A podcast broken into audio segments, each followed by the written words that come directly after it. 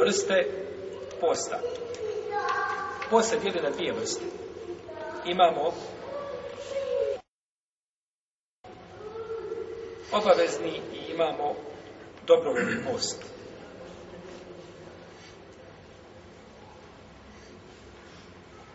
Obavezni post dijeli se u tri vrste. To je prvo post mjeseca Ramazana, kome ćemo mi govoriti, znači, kroz komentar ovoga djela. On nas zanima prvenstveno. Post iskupine i post zavjeta. I post zavjeta, kada sam sebe čovjek obaveže, znači da post. O zavjetu nešto možda i u iskupinama usput da se bude govorilo, a prvenstveno nam je znači cilj da govorimo o postu Ramazana. Ovdje je autor spomenuo tri vrste posta.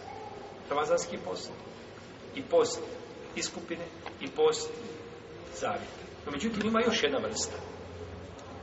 Možda bila ta podjela prečaj i bolja. Ko zna koja?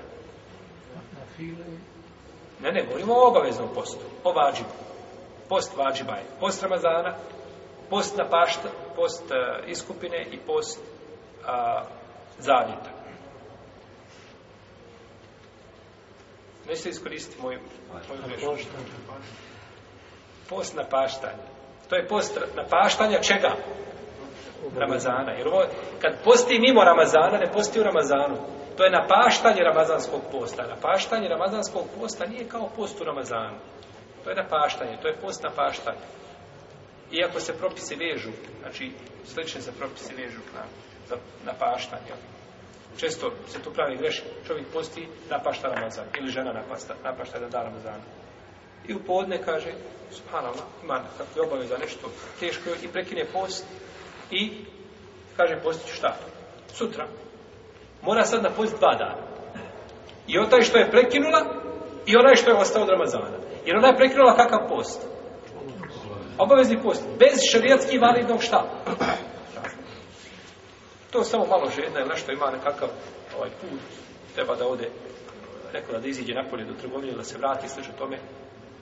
Znači, bez razloga ako prekine mora dva dana na post. Pored toga što ima šta? Prije, morate obučiti. To je, propisuje kao šta ramazanski post. No međutim, ta bi podjela bila bolja. Pa je onda imamo ramazanski post i post paštanja, i post zavjeta i post iskupine. To bi bilo znači onda četiri vrste, po toj je No, međutim, autor je stavio ovdje ramazanski post, smatrajući da sve što se napašta ulazi šta u, u taj post. Znači, može se uklopiti, u post mjeseca Ramazana.